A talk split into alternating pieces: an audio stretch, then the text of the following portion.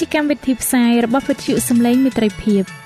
វិទ្យុសំឡេងមេត្រីភាពសូមស្វាគមន៍អស់លោកអ្នកស្ដាប់ទាំងអស់ជាទីមេត្រី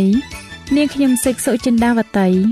ហើយខ្ញុំបាទអង្គច័ន្ទវិជ្ជៈក៏សូមស្វាគមន៍លោកអ្នកស្ដាប់ទាំងអស់ផងដែរនៅពេលនេះយើងខ្ញុំមានសេចក្តីសុំមនស្សរីករាយដោយបានវិលមកជួបអស់លោកអ្នកនាងកញ្ញាអ្នកស្ដាប់សាជាថ្មីម្ដងទៀត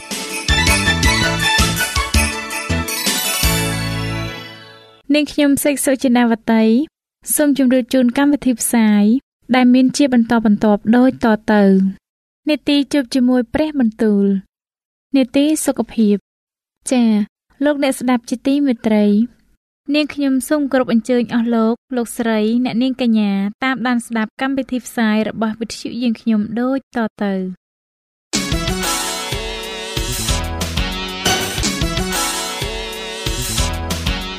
នេតិ ជួបជាមួយព្រះបន្ទូល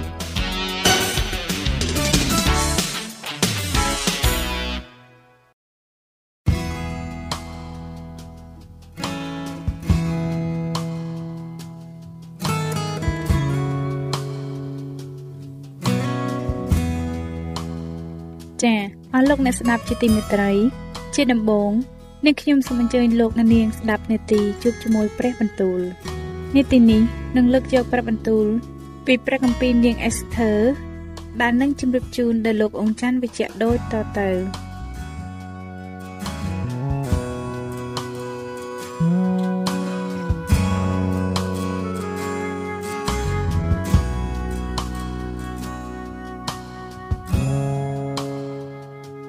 ព្រះគម្ពីរនាងអេសធើជំពូកទី2ក្រោយការទាំងនោះមក ការសេចក្តីក្រោធរបស់ស្ដេចអាហាសេរុសបានស្ងប់ហើយនោះទ្រង់ក៏នឹករលឹកដល់ព្រះនាងវ៉ាស្ធីនឹងការដែលព្រះនាងបានធ្វើព្រមទាំងខសេចក្តីដែលបានសម្រេចដល់ព្រះនាងផងនោះពួកមហាថ្លឹកទាំងឡាយដែលបម្រើស្ដេចក៏ទូលទ្រង់ថាសូមទ្រង់ឲ្យគេទៅរកស្ត្រីក្រមុំដែលមានរូបស្រស់ល្អមកថ្វាយទ្រង់សូមព្រះករណាចាត់តម្រូវឲ្យមានភ្នាក់ងារនៅគ្រប់ខេត្តក្នុងនគរទ្រង់ ដើម្បីនឹងប្រមូលស្ត្រីក្រមុំដែលស្រស់ល្អទាំងប៉ុន្មាន មកឯស៊ូសាន ជាទីក្រុងលួងឲ្យនៅក្នុងមន្ទីរសម្រាប់ពួកស្រីស្រី ក្រោមអំណាចហេកាយជាក្រមវាំងរបស់ស្ដេចជាអ្នករក្សាពួកស្រីស្រីរួចឲ្យគេបើកគ្រឿងសម្រាប់ជំរះខ្លួនដល់នាងទាំងនោះរួចមកឯនាងណាដែលសពប្រតិដល់ព្រះករណា នោះសូមទ្រង់តាំងឡើងឲ្យធ្វើជាអគ្គមហេសីជំនួសព្រះនាងវ៉ាស្ធីនោះ ស្ដេចទ្រង់សពព្រះតីនឹងសេចក្តីនោះ ហើយក៏ធ្វើតាមដូច្នោះរីឯនៅស៊ូសានជាទីក្រុងលួង មានសាសយូដាម្នាក់ឈ្មោះម៉ាដេកាយជាកូនយ៉ាអ៊ីដែលជាកូនស៊ីម៉ាយស៊ីម៉ាយជាកូនគីសក្នុងពូជបេនយ៉ាមីនគាត់ត្រូវដឹកនាំចេញពីទីក្រុងយេរូសាឡឹមជាមួយនឹងពួកឆ្លើយដែលបាននាំទៅ ក្នុងគ្រាដែលនេបូខនេសាជាស្ដេចបាប៊ីឡូនបានចាប់យេកូនីជាស្ដេចយូដានាំយកទៅគាត់បានចិញ្ចឹមនាងហាដាសាគឺអេសថេជាកូនរបស់មាគាត់ បិទនាងគ្មានឪពុកម្ដាយនាងមានរូបឆោមឆាយហើយមុខស្រស់ល្អកាលឪពុកម្ដាយនាងស្លាប់ទៅហើយនោះម៉ានីកាយបានយកនាងមកចិញ្ចឹមទុកជាកូនខ្លួនដូច្នេះកាលគេបានប្រកាសប្រាប់ព្រះរាជអង្គការនិងច្បាប់របស់ស្ដេចហើយបានប្រមូលស្រីក្រមុំជាច្រើនមកឯស៊ូសាន ជាក្រុងលួងប្រគល់ក្រោបអំណាចហេកាយនោះគេក៏នាំយកអេសថេទៅក្នុងដំណាក់ស្ដេចប្រគល់ក្រោមអំណាចហេកាយជាអ្នករក្សាពួកស្រីស្រីដែរ នាងជាទីពេញចិត្តដល់គាត់ណាស់គាត់ក៏សម្ដែងសេចក្តីសប្បុរសដល់នាងក៏ប្រញាប់នឹងចែកគ្រឿងសម្រាប់ឲ្យនាងជំរះខ្លួននិងប្រដាប់តែងកាយដែលជាចំណែករបស់នាងព្រមទាំងយកស្ត្រីក្រមុំ7នាក់ពីព្រះរាជដំណាក់មកឲ្យបម្រើនាងហើយគាត់ក៏ផ្លាស់នាងនឹងស្រីបម្រើទាំងនោះឲ្យទៅនៅក្នុងបន្ទប់ល្អបំផុតក្នុងមន្ទីរពួកស្រីស្រីហើយអេសធើនាងមិនបានប្រាប់ឲ្យអ្នកណាដឹងថា គ្រួនឹងចំនួនវងរបស់នាង ជាសាហាវទេត្បិតម៉ានិកាយបានហាមមិនឲ្យនាងប្រាប់ឲ្យគេដឹងឡើយឯម៉ានិកាយគាត់ក៏តែងដើរទៅមក នៅក្នុងមុខទីធ្លាមន្ទីរពួកស្រីស្រីជារៀងរាល់ថ្ងៃ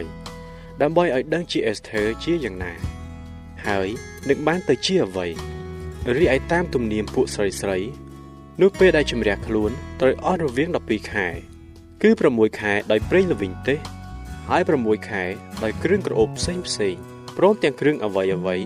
ដែលសម្រាប់ឲ្យពួកស្រីស្រីបានស្អាតបរិសុទ្ធផងដូច្នេះក្រោយនេះគេបានធ្វើដល់នាងទាំងនោះតាមទំនៀមហើយពេលដែលនាងណាត្រូវចូលទៅឯស្ដេចអាហាសេរុសបានមកដល់នោះនាងបានចូលទៅឯស្ដេចបែបយ៉ាងនេះឯងគឺអ្វីអ្វីដែលនាងប្រាថ្នាចង់បាននោះក៏បានបើកឲ្យនាងដើម្បីនឹងយកពីមន្ទីរពួកស្រីស្រីទៅឯដំណាក់ស្ដេចនៅពេលល្ងាចនាងបានចេញទៅ ហើយដល់ព្រឹកឡើងនាងវិលមកវិញ ចូលក្នុងមន្ទីរទី2របស់ពួកស្រីស្រីនៅក្រៅអំណាចស្អាកាសជាភ្នាក់ងាររបស់ស្ដេចដែលរក្សាពួកស្រីអ្នកមនាងនាងនោះលែងបានចូលទៅចំពោះស្ដេចទៀតហើយលើកតែស្ដេចទ្រង់សពប្រតិយនឹងនាងហើយហៅតាមឈ្មោះវិញឯអេសធើកូនអាប៊ីហែលជាមារបស់ម៉ាឌីកាយដែលបានយកមកចិញ្ចឹមទុកជាកូនខ្លួន កាលដល់ពេលដែលនាងត្រូវចូលទៅឯស្ដេចនោះនាងមិនបានសុំអ្វីក្រៅពីរបស់ដែលហេកាយ ជាក្រុមវាំងរបស់ស្ដេចជាអ្នករក្សាពួកស្រីស្រីបានឲ្យនោះទេហើយអស់អ្នកណាដែលឃើញនាងក៏ពេញចិត្តនឹងនាងគេក៏នាំអេសធើចូលទៅថ្វាយស្ដេចអាហាសេរុសនៅក្នុងព្រះរាជដំណាក់នៅខែទី10គឺជាខែបោះក្នុងឆ្នាំទី7នៃរាជទ្រង់ស្ដេចទ្រង់ក៏ស្រឡាញ់អេសធើលើសជាស្ត្រីឯទៀតហើយនាងទទួលបានព្រះគុណនិងសេចក្តីប្រោះប្រាននៅចំពោះទ្រង់លើជាងពួកស្រីក្រមុំទាំងប៉ុន្មានដល់ម្លេះ បានជាទ្រង់បំពាក់មកុដរាជតាំងនាងឡើងជាអគ្គមហេសីជំនួសវ៉ាស្ធីរួចស្ដេចទ្រង់ជប់លៀងជាយ៉ាងធំដល់អស់ទាំងពួកអ្នកជាប្រធាននិងចំណិតទ្រង់ទាំងអស់គឺជាការជប់លៀងរបស់អេសធើទ្រង់ក៏ប្រោះឲ្យមនុស្សនៅគ្រប់ខេត្តបានឈប់សម្រាកហើយទ្រង់ដាក់ទានតាមសន្តានស្ដេចនោះដល់ពួកនាងក្រមុំបានប្រជុំគ្នាលើកទី2នោះម៉ានីកាយគាត់អង្គុយនៅត្រង់មាត់ទ្វារព្រះរាជវាំងឯអេសធើ នេះមិនបានប្រាប់ឲ្យអ្នកណាដឹងពីគ្រូនិងពីជំនួសវងរបស់ខ្លួនទេតាមបង្គាប់របស់ម៉ានីកាយពីព្រោះនាងនៅតែស្ដាប់បង្គាប់ម៉ានីកាយ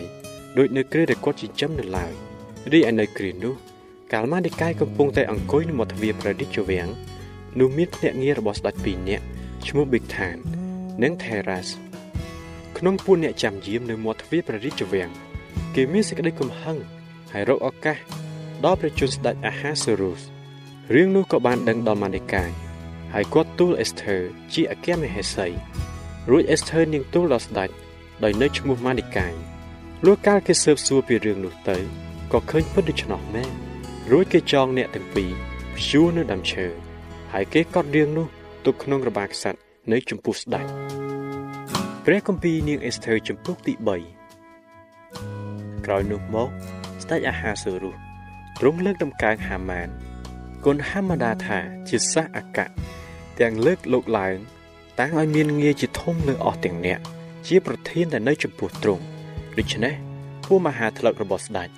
ដែលនៅត្រង់មាត់ទ្វារព្រះរាជវាំងគេអោនខ្លួនចោះគោរពដល់ហាម៉ានទាំងអស់គ្នាពីព្រោះស្ដេចទ្រង់បានចេញបង្គាប់ពីដំណើរលោកយ៉ាងនោះតែម៉ាដេកាយមិនបានអោនខ្លួនទេក៏មិនគោរពផងដូច្នេះពួកមហាថ្លឹករបស់ស្ដេចដែលនៅត្រង់មាត់ទ្វារព្រះរាជវាំងគេសួរគាត់ថា ហេតុអ្វីបានជាអ្នកទទឹងនឹងបង្គាប់ស្ដេចដូច្នេះរួចកាលគេបានរំលឹកដល់គាត់រាល់តែថ្ងៃតែគាត់មិនព្រមស្ដាប់តាមនោះគេក៏ជម្រាបដល់ហាម៉ានដើម្បីនឹងលោមើលបើសេចក្តីដែលម៉ានិកាយប្រព្រឹត្តដូច្នោះនឹងបានឬមិនបាន ពីព្រោះគាត់បានប្រាប់ឲ្យគេដឹងហើយ ថាគាត់ជាសាសយូដាកាលហាម៉ានឃើញថាម៉ានិកាយមិនអោនគោរពដល់ខ្លួនទេ នោះលោកមានចិត្តពេញដោយសេចក្តីក្រោធតែលោកតោះតើយ នឹងចង់ចាប់ម៉ានិកាយតែមួយប៉ុណ្ណោះបាត់គេបានជម្រាបឲ្យលោកជ្រាបពិសាសរបស់ម៉ានិកាយហើយ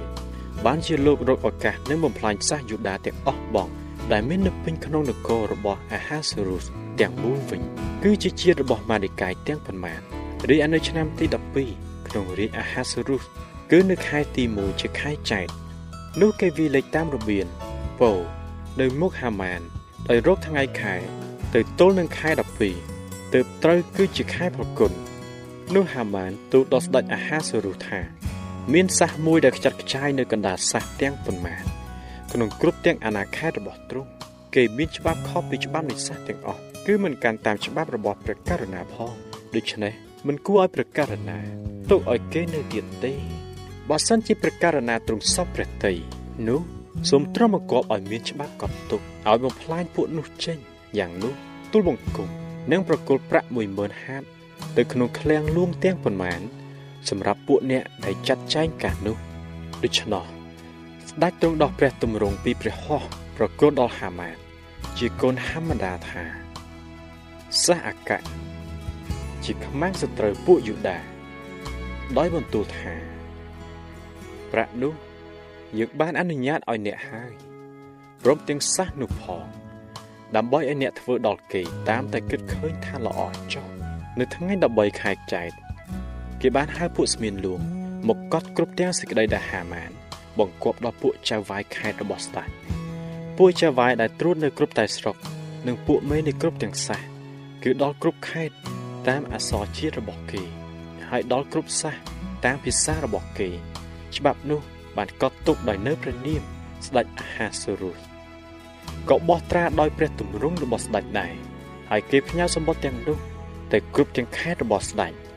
ដោយសារពួកអ្នករត់សម្បត្តិបង្គាប់ឲ្យបំផ្លាញសម្លាប់ហើយធ្វើឲ្យពួកសាយូដាទាំងអស់វិនិច្ឆ័យបងទូទាំងចាស់ទាំងក្មេងនិងកូនឯងហើយស្ត្រីស្ត្រីផងក្នុងរវាងមួយថ្ងៃកំណត់នោះ ដែលត្រូវជាថ្ងៃ13ខែ12គឺជាខែផុតគុណព្រមទាំងរឹបជន់យកទ្រព្យសម្បត្តិគេផងឯសម្បត្តិទាំងនោះ មានចម្លងព្រះរាជអង្គការដែលត្រូវប្រកាសប្រាប់ដល់គ្រប់ទាំងសាសនៅអស់ទាំងខេត្តផងឲ្យគេបានប្រុងប្រៀបជាស្រេចនៅថ្ងៃនោះ ពួករត់សម្បត្តិក៏ចេញទៅជាប្រញាប់តាមបង្គាប់របស់ស្ដេចហើយព្រះរាជអង្គការនោះបានប្រកាសប្រាប់នៅក្នុងស៊ូសាន ជាក្រុងលួងដែររួចស្ដេចនិងហាម៉ានក៏នាំគ្នាបរិភោគស្រាតែទីក្រុងស៊ូសាន មានសេចក្តីស្រឡាំងកាំងនៅ ព្រះគម្ពីរនាងអេសធើជំពូកទី4ចំណែកបាននិកាយកាលបានដឹងពីការដែលកើតមកទាំងនោះហើយ នោះគាត់ហែកអាវខ្លួន ហើយស្លៀកសំពត់ថ្មីរយផេះផងរួចចេញទៅកណ្ដាលទីក្រុងស្រែកឡើងជាសម្រេចយ៉ាងខ្លាំងហើយជូរចត់គាត់ក៏ទៅរហូតដល់មុខទ្វារព្រះរាជវាំងបិទគ្មានច្បាប់នឹងចូលទៅក្នុងព្រះរាជវាំងទាំងស្លៀកសំពត់ថ្មីបានឡើយ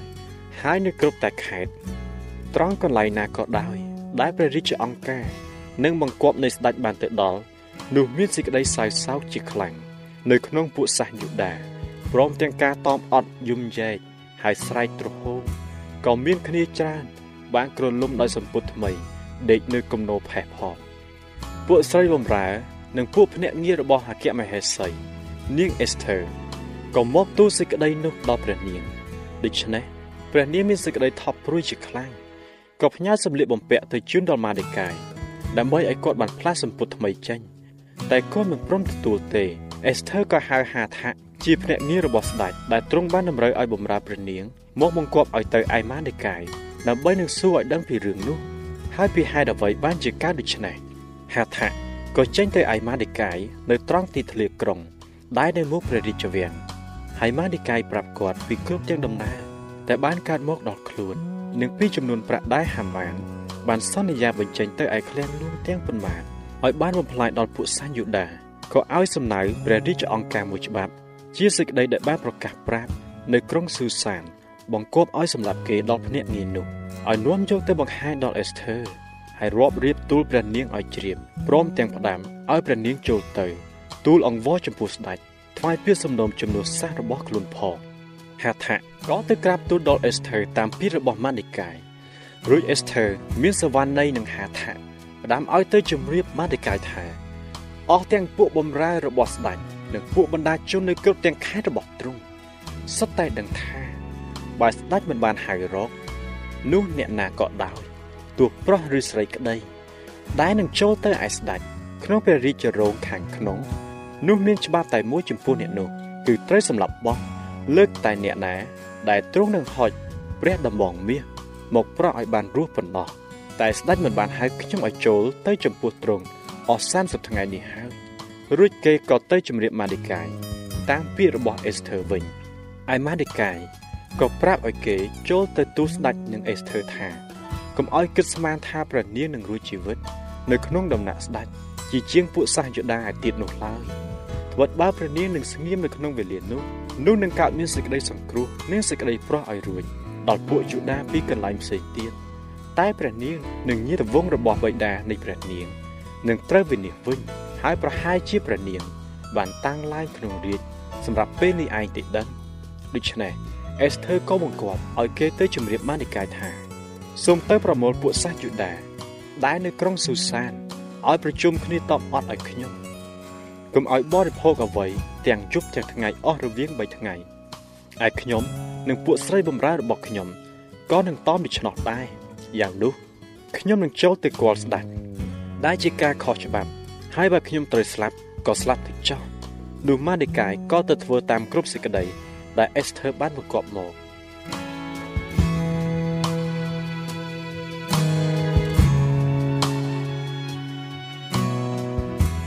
ចា៎ប្រិយមិត្តអ្នកស្ដាប់ជាទីមេត្រី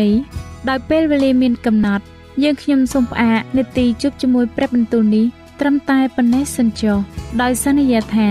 នឹងលើកយកនីតិនេះមកជម្រាបជូនជាបន្តទៀតនៅថ្ងៃស្អែកសូមអរគុណ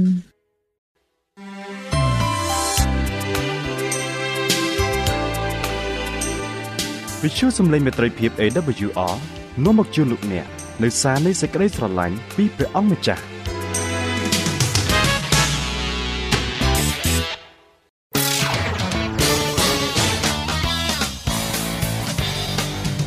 សូមជូននីតិសុខភាព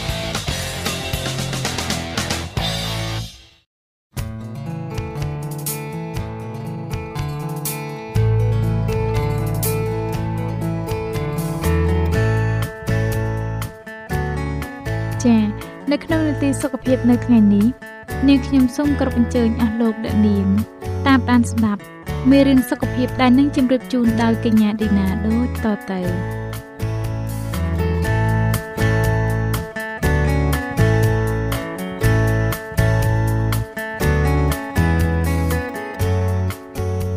អ្នកស្ដាប់ជាទីមេត្រីខ្ញុំសូមជម្រាបសួរសូមឲ្យលោកអ្នកបានប្រកបដោយប្រគុណនិងសេចក្តីសុខសាន្តអំពីព្រះដ៏ជាព្រះបិតានិងពីព្រះយេស៊ូវគ្រីស្ទជាព្រះអម្ចាស់នៃយើងរាល់គ្នានេះខ្ញុំមានអំណរណាស់ដែលបានវិលមកជួបលោកអ្នកសាជាថ្មីនៅក្នុងនីតិសុខភាពម្ដងទៀតហើយនៅថ្ងៃនេះនាងខ្ញុំសូមលើកយកមេរៀនសុខភាពដដែលដែលមានចំណងជើងថាទំនាក់ទំនងក្នុងរបងគ្រួសារ ចាកាលពីភាគមុនលោកអ្នកបានស្ដាប់ពីចំណុចរួចមកហើយគឺចំណុចទី1និយាយពីការយល់នៅអ្វីដែលមនុស្សចង់និយាយនិងចំណុចទី2និយាយពីទំនាក់ទំនងដែលមិនចេញវិចារហើយនៅថ្ងៃនេះនាងខ្ញុំនឹងជម្រាបជូនលោកអ្នកនៅចំណុចល្អៗបន្ថែមទៀតពីភាគទី1ដូច្នេះនាងខ្ញុំសូមគោរពអញ្ជើញលោកអ្នកតាមដានស្ដាប់មេរៀនសុខភាពរបស់យើងខ្ញុំដែលនិយាយពីទំនាក់ទំនងក្នុងរបងគ្រួសារភាគទី2នេះដូចតទៅចាចំណុចទី2ក៏ការពិតដែលគួរឲ្យភ្ញាក់ផ្អើល តែយើងម្នាក់ម្នាក់អាចតាក់ទងគ្នាដោយរបៀបណាខ្លះគឺ7%ដោយពាក្យសម្ដីរបស់យើង38%ដោយសូរសំឡេងលើកដាក់របស់យើង55%ដោយទឹកមុខនិងកាយវិការរបស់យើងគោលបំណងនៃចម្ពោះនេះគឺដើម្បីលើកស្ទួយទំនាក់ទំនងនៅក្នុងផ្ទះនិងនៅទីកន្លែងធ្វើការដោយបំពាក់បំពន់យើងម្នាក់ម្នាក់ដោយជំនាញផ្សេងផ្សេងសម្រាប់ផ្ដល់សារឲ្យបានច្បាស់លាស់ដោយក្រោយមកអ្នកស្ដាប់នឹងបានយល់យ៉ាងត្រឹមត្រូវ ទំនាក់ទំនងដ៏មានប្រសិទ្ធភាពគឺជាជំនាញមួយដែលចំណាយពេលមួយជីវិតដើម្បីរៀនស្ថិតក្នុងចំណុចណាក៏ដោយនៅក្នុងជីវិតរបស់យើងនៅតែអាចដោះស្រាយដើម្បីរៀននៅវិធីដែលប្រសើរដើម្បីទំនាក់ទំនងជាមួយមនុស្សដែលយើងស្រឡាញ់ទំនាក់ទំនងមានរាប់បញ្ចូលទាំងការជជែកការស្ដាប់កាយវិការការមើលការប៉ះពាល់និងសម្បីតែអារម្មណ៍ក្នុងចិត្តក៏រាប់បញ្ចូលដែរ ត្រូវចាំថាសារមួយអាចមានអត្ថន័យផ្សេងផ្សេងចំពោះមនុស្សខុសៗគ្នាយោងទៅតាមបទពិសោធន៍អតីតកាលរបស់ពួកគេម្នាក់ម្នាក់ចំណុចទី2ខទំនាក់ទំនងមានកម្រិតខុសៗគ្នាដូចជា ទី1ការសំណេះសំណាលពីនេះពីនោះទី2ការរាយការណ៍ព័ត៌មានឬព្រឹត្តិការណ៍ទី3ការប្រស័យតាក់ទងគំនិតនិងមតិយោបល់ផ្សេងផ្សេងទី4ការចែករំលែកអារម្មណ៍និងទី5ទំនាក់ទំនងដែលបើកចំហចិត្តស្និទ្ធនិងបែបចាស់ទុំ កម្រិតទំនាក់ទំនងដែលគួរចង់បានសម្រាប់អាពាហ៍ពិពាហ៍និងគ្រួសារទាំងឡាយនោះគឺទំនាក់ទំនងបែបចាស់ទុំចិត្តស្និទ្ធនិងបើកចំហត្រង់កម្រិតនេះគូស្រករឬគ្រួសារទាំងឡាយត្រូវស្មោះត្រង់និងបើកចំហជាមួយគ្នាទៅវិញទៅមកពួកគេត្រូវធ្វើការជាមួយគ្នាដោះស្រាយបញ្ហាផ្សេងៗតាមសន្តិវិធីនិងយោគយល់សម្បីតែនៅពេលមានកំណត់ខុសៗគ្នាយ៉ាងណាក៏ដោយត្រង់ចំណុចនេះហើយដែលគ្រួសារទាំងឡាយអាចបង្ហាញនៅអារម្មណ៍ផ្ទាល់ខ្លួនទទួលអារម្មណ៍ថា សម្ដីរបស់ខ្លួនមានគេស្ដាប់ឮហើយយល់ចូលក្រឡេកមើលកម្រិតទំនាក់ទំនងទាំង5នោះតើនៅក្នុងកម្រិតណាមួយដែលលោកអ្នកចំណាយពេលច្រើនបំផុតជាមួយដៃគូរបស់អ្នកជាមួយកូនកូនជាមួយអ្នកដទៃចំណុចទី3និយាយពីតម្រូវការដ៏ធំបំផុតរបស់គ្រួសារនីមួយៗកត្តា6យ៉ាងបញ្ជាក់ឲ្យឃើញលក្ខណៈគ្រួសារដែលមានសុភមង្គលរឹងមាំ លោក Stinnett ហើយនឹងនាង Different ដែលជាអ្នកស្រាវជ្រាវបន្ទាប់ពីធ្វើបទសម្ភាសគ្រួសាររាប់ពាន់បានរកឃើញថាគ្រួសារដែលមានសុភមង្គលរឹងមាំគឺត្រូវមានកត្តាដូចជាទី1បង្ហាញនូវសេចក្តីស្រឡាញ់និងឲ្យតម្លៃចំពោះគ្នាទៅវិញទៅមកទី2ចំណាយពេលជាមួយគ្នា ទី3ប្រឈមមុខនឹងវិបត្តិផ្សេងៗក្នុងផ្លូវវិជ្ជមានទី4មានសេចក្តីជំនឿលើព្រះមុតមមទី5មានការបដូរផ្ដាច់ចំពោះគ្នា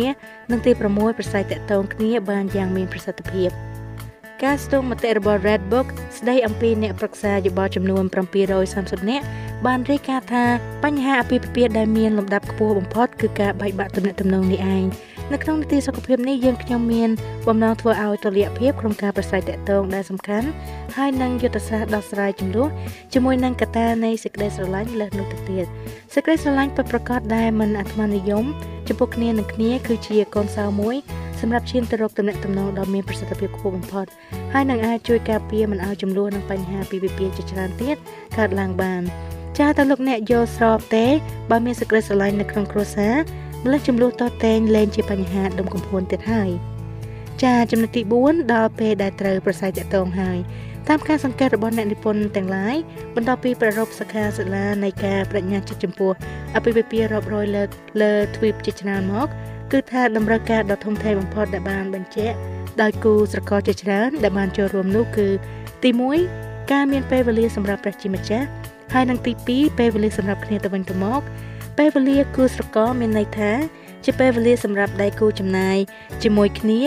គឺជាពេលវេលាដើម្បីធ្វើប្រស័យតាក់ទងពេលវេលាកំសាន្តអារម្មណ៍ខាងក្រៅជាមួយគ្នាដោយគ្មានកូនកូនមករំខាន ពេលវេលាសម្រាប់រៀបចំគម្រោងលើកស្ទួយនិងរបៀបបែបផែនក្នុងផ្ទះសម្បែងពេលវេលាសម្រាប់ធ្វើការកំណត់គោលដៅពេលវេលាសម្រាប់ឱកាសផ្អែមល្ហែមហើយនិងពេលវេលាសម្រាប់ធ្វើការជាមួយគ្នាលើគម្រោងពិសេសណាមួយភរិយាភាគច្រើនចង់មានពេលវេលាប្រស័យតាក់ទង1ម៉ោងជាមួយស្វាមីក្នុងកំឡុងពេលថ្ងៃមិនចាំបាច់ធ្វើអ្វីគ្រប់តាមតែរបៀបដដែលៗនោះទេហើយវាអាចជាកិច្ចការដែលតម្រូវឲ្យធ្វើរួមគ្នា កូនកូនក៏ត្រូវការពេលវេលាដើម្បីតាក់ទងជាមួយឪពុកម្ដាយរបស់ខ្លួនដែរលោក Hilton Terrell បានរកឃើញថាកូនកូនមានពេលវេលាកាន់តែច្រើននៅពេលដែលឪពុកម្ដាយទាំងពីរនាក់នៅផ្ទះឪពុកទាំងឡាយដែលបង្កើតឱកាសប្រស្រ័យតាក់ទងនិងផ្សារភ្ជាប់ជាមួយកូនកូនរបស់ខ្លួនបង្កើតឲ្យមានភាពខុសប្លែកយ៉ាងធំនៅក្នុងបរិយាកាសគ្រួសារនិងសុខភាពរបស់គ្រួសារសមាជិកគ្រួសារលំដាប់ពិភពលោកលើកទី2នៅក្នុងទីក្រុង Geneva បានរាយការណ៍ថាក្មេងៗដែលឪពុកម្ដាយលេងលះមានបញ្ហាសុខភាពច្រើនជាងតើលោកអ្នកគិតថាវិបត្តិក្នុងប្រស្រ័យតាក់ទងរវាងឪពុកម្ដាយនិងកូនដែលទទួលរង មកពីការប្រឆាផ្នែកទំនាក់ទំនងរវាងឪពុកម្ដាយអាចជាចំណែកមួយជួយបំភ្លឺរឿងសុខភាពកូនក្មេងនិងកូនធំទាំងនេះដែរទេម្ដាយម្នាក់ចង់មានពេលវេលាប្រស័យតាក់ទងឲ្យបានច្រើនជាមួយកូនកំឡោះរបស់ខ្លួនដែលនៅឆ្ងាយពីផ្ទះ កូនប្រុសនោះក៏នឹកនីពីពេលវេលារបស់ខ្លួននៅជាមួយម្ដាយដែរពួកគេបានរៀបចំគម្រោងមួយនៅថ្ងៃអាទិត្យម៉ោង11កន្លះម្ដាយហើយនឹងកូនប្រុសមានពេលមួយដែលមានឈ្មោះថាថ្ងៃរបស់កូនប្រុសឥឡូវនេះវាបានក្លាយជាការណាត់សំខាន់ជាងគេមួយប្រចាំសប្តាហ៍រហូតមកដល់ក្នុងកំឡុងពេលនោះពួកគេជជែកលេងពីនេះពីនោះដោយក្តីរីករាយស្ដីពីព្រឹត្តិការណ៍ប្រចាំសប្តាហ៍ព័ត៌មានផ្សេងៗនិងចំណាប់អារម្មណ៍របស់ពួកគេគណៈពេលចម្អិនអាហារជាមួយគ្នា ក្នុងពេលរសៀលពួកគេរីករាយនឹងកម្មវិធីសប្បាយៗដែលបានក្រុងតុកហើយនឹងពេលវេលាទំនាក់ទំនងពួកគេមានអារម្មណ៍ស្និទ្ធស្នាលដូចជាគ្រួសារឡើងវិញរឿងខ្លះទាមទារឲ្យមានការរឹតបន្តឹងទៅលើពេលវេលាវិជ្ជមានដែលត្រូវចំណាយទំនាក់ទំនងជាមួយកូនធំធំនិងតូចរបស់ពួកយើងហើយរឿងទាំងនោះអាចជាអ្វីខ្លះនៅក្នុងតំបន់ដែលលោកអ្នករស់នៅដូច្នេះយើងត្រូវសួរខ្លួនឯងនៅសំណួរធ្ងន់ធ្ងរខ្លះដូចជា តើខ្ញុំចំណាយពេលប៉ុន្មានប្រចាំថ្ងៃដើម្បីប្រស័យតាក់ទងជាមួយគ្រួសារក្នុងផ្លូវវិជ្ជមានតើខ្ញុំចំណាយពេលប៉ុន្មានជាមួយកូនជំទង់ឬកូនធំដែលនៅឆ្ងាយពីផ្ទះតើវាជាពេលវេលាដែលមានប្រយោជន៍ឬទេ ជាពេលសម្រាប់អប់រំមែនទេ ជាពេលស្ដាប់មែនទេ ជាពេលសប្បាយសប្បាយមែនទេ ជាពេលអប់រំតម្លៃតាមបែបសាសនាមែនទេ ជាពេលបញ្ជាក់ពីសេចក្តីស្រឡាញ់មែនទេតើប្រព័ន្ធផ្សព្វផ្សាយនានាអាចជាបញ្ហាសម្រាប់រឿងទាំងនេះទេ ពេលវេលាជាមធ្យមដែលក្មេងជំទង់ចាប់ពីអាយុ12ឆ្នាំទៅដល់24ឆ្នាំបានចំណាយពេលជាមួយគ្រឿងអេឡិចត្រូនិកក្នុងមួយថ្ងៃនៅប្រទេសអាមេរិកគឺចំណាយពេលជាមួយអ៊ីនធឺណិតចំនួន2ម៉ោង52នាទីចំណាយពេលជាមួយទូរទស្សន៍ចំនួន2ម៉ោង47នាទីចំណាយពេលជាមួយវិទ្យុចំនួន1ម៉ោង24នាទីចំណាយពេលជាមួយវីដេអូហ្គេមចំនួន1ម៉ោង10នាទីចំណាយពេលជាមួយទូរស័ព្ទចំនួន1ម៉ោង4នាទី សរុបមកពួកគេបានចំណាយពេលមួយចំនួន9ម៉ោង និង17នាទីនៅលើគ្រឿងអេឡិចត្រូនិកក្នុងមួយថ្ងៃមួយថ្ងៃចំនួនគ្រឿងអេឡិចត្រូនិកបានលេបត្របាក់ជីវិតកូនតូចក៏ដូចជាកូនធំរបស់យើងគ្រប់គ្នាសេចក្តីនេះមានន័យថាក្មេងជំទង់ជាមធ្យមកំពុងចំណាយពេលជាងពាក់កណ្ដាលនៃពេលភ្ញាក់ពីគេងរបស់ខ្លួនរវល់ជាមួយនឹងគ្រឿងអេឡិចត្រូនិកឪពុកម្ដាយដែលចំណាយពេលនិយាយពីរឿង ការប្រើប្រាស់គ្រឿងអេឡិចត្រូនិកច្រើនជ្រុលនិងការខ្ជះខ្ជាយពេលវេលាឥតប្រយោជន៍ត្រូវបានគេចាត់ទុកថាជាឪពុកម្ដាយដែលនៅជាប់នឹងកូនឪពុកម្ដាយប្រភេទនេះក៏យកចិត្តទុកដាក់ទៅលើអ្វីដែលកូនតូចៗនិងកូនជំទង់ជំទង់មើលនៅក្នុងប្រព័ន្ធអ៊ីនធឺណិតហើយនិងប្រភេទវីដេអូហ្គេមនិងកុំព្យូទ័រដែលកូនៗរបស់ពួកគេទិញលេងផងដែរ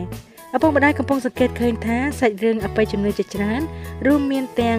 សិលហើយនិងវេទមន្តនោះសុទ្ធតែត្រូវបានគេដាក់បញ្ចូលទៅក្នុងវីដេអូហ្គេមដែលមានប្រជាប្រិយបំផុតផ្ទុយពីព្រះដែលមានចេះជំនះបិសាចត្រូវគេចាត់ទុកជាតួអង្គខ្លាំងទៅវិញការស្នំថ្នាក់ជាមួយនឹងរឿងអបិយជំនឿបន្តឲ្យមានគ្រោះថ្នាក់យ៉ាងពិតប្រាកដ យើងរស់នៅក្នុងចំនួនមួយដែលឪពុកម្ដាយភាគច្រើនបំផុតធ្វើការក្រៅផ្ទះហើយកូនកូនមានពេលជាច្រើនម៉ោងដែលគ្មានអ្នកគ្រប់គ្រងដូច្នេះជាការសំខាន់ណាស់ដែលឪពុកម្ដាយទាំងឡាយ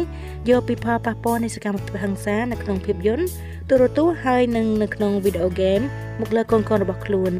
ឪពុកម្ដាយអាចកាត់បន្ថយការគ្រោះថ្នាក់នៃហ្គេមបែបនេះដោយការបំបត្តិរឿងដែលគ្រោះថ្នាក់ដូចជា កំណត់ពេលលេងវីដេអូហ្គេមណាដែលមិនអាក្រក់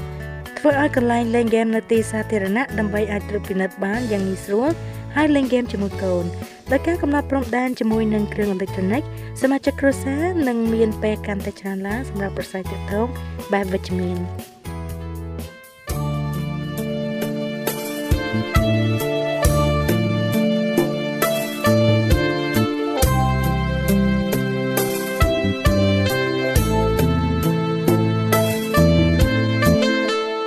បើសិនជាលោកអ្នកមានសំណួរឬសំណុំពរអ្វី សូមតាក់ទងមកការិយាល័យវិទ្យុយើងខ្ញុំ តាមអាស័យដ្ឋានផ្ទះលេខ15ផ្លូវលេខ568សង្កាត់បឹងកក់2ខណ្ឌទួលគោករាជធានីភ្នំពេញលោកអ្នកក៏អាចសរសេរសម្បត្តិផ្ញើមកយើងខ្ញុំ តាមរយៈប្រអប់សម្បត្តិលេខ488ភ្នំពេញឬតាមទូរស័ព្ទលេខ012 34 96 64ឬ 097 80 81 060ឬក៏តាមរយៈអ៊ីមែល vol@awr.org យើងខ្ញុំរងចាំទទួលស្វាគមន៍អស់លោកអ្នកនាងដោយក្តីសោមនស្សរីករាយហើយលោកអ្នកក៏អាចស្ដាប់កម្មវិធីនេះឡើងវិញដោយចូលទៅកាន់ website របស់វិទ្យុយើងខ្ញុំតាមរយៈអាស័យដ្ឋាន www.awr.org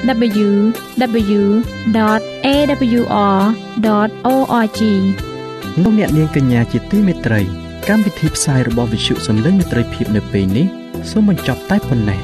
យើងខ្ញុំសូមអរគុណចំពោះការតាមដានស្ដាប់របស់អស់លោកអ្នកតាំងពីដើមរហូតដល់ចប់យើងខ្ញុំសូមជូនពរឲ្យអស់លោកអ្នកនាងកញ្ញាទាំងអស់បានចម្រើនឡើងក្នុងព្រះគុណព្រះអង្គម្ចាស់ហើយក្នុងការទទួលយកព្រះយេស៊ូវគ្រីស្ទជាព្រះអង្គម្ចាស់ និងជាព្រះអង្គសង្គ្រោះនៃយើងរាល់គ្នានាទីផ្សាយរបស់វិទ្យុយើងខ្ញុំនឹងវិលមកជួបអស់លោកអ្នកសាជាថ្មីម្ដងទៀតនៅថ្ងៃស្អែកវេលាម៉ោងដដែលនាងខ្ញុំសេកសុចិនាវតីនិងខ្ញុំបាទអ៊ំច័ន្ទវិជ្ជៈសូមអរគុណសូមជម្រាបលា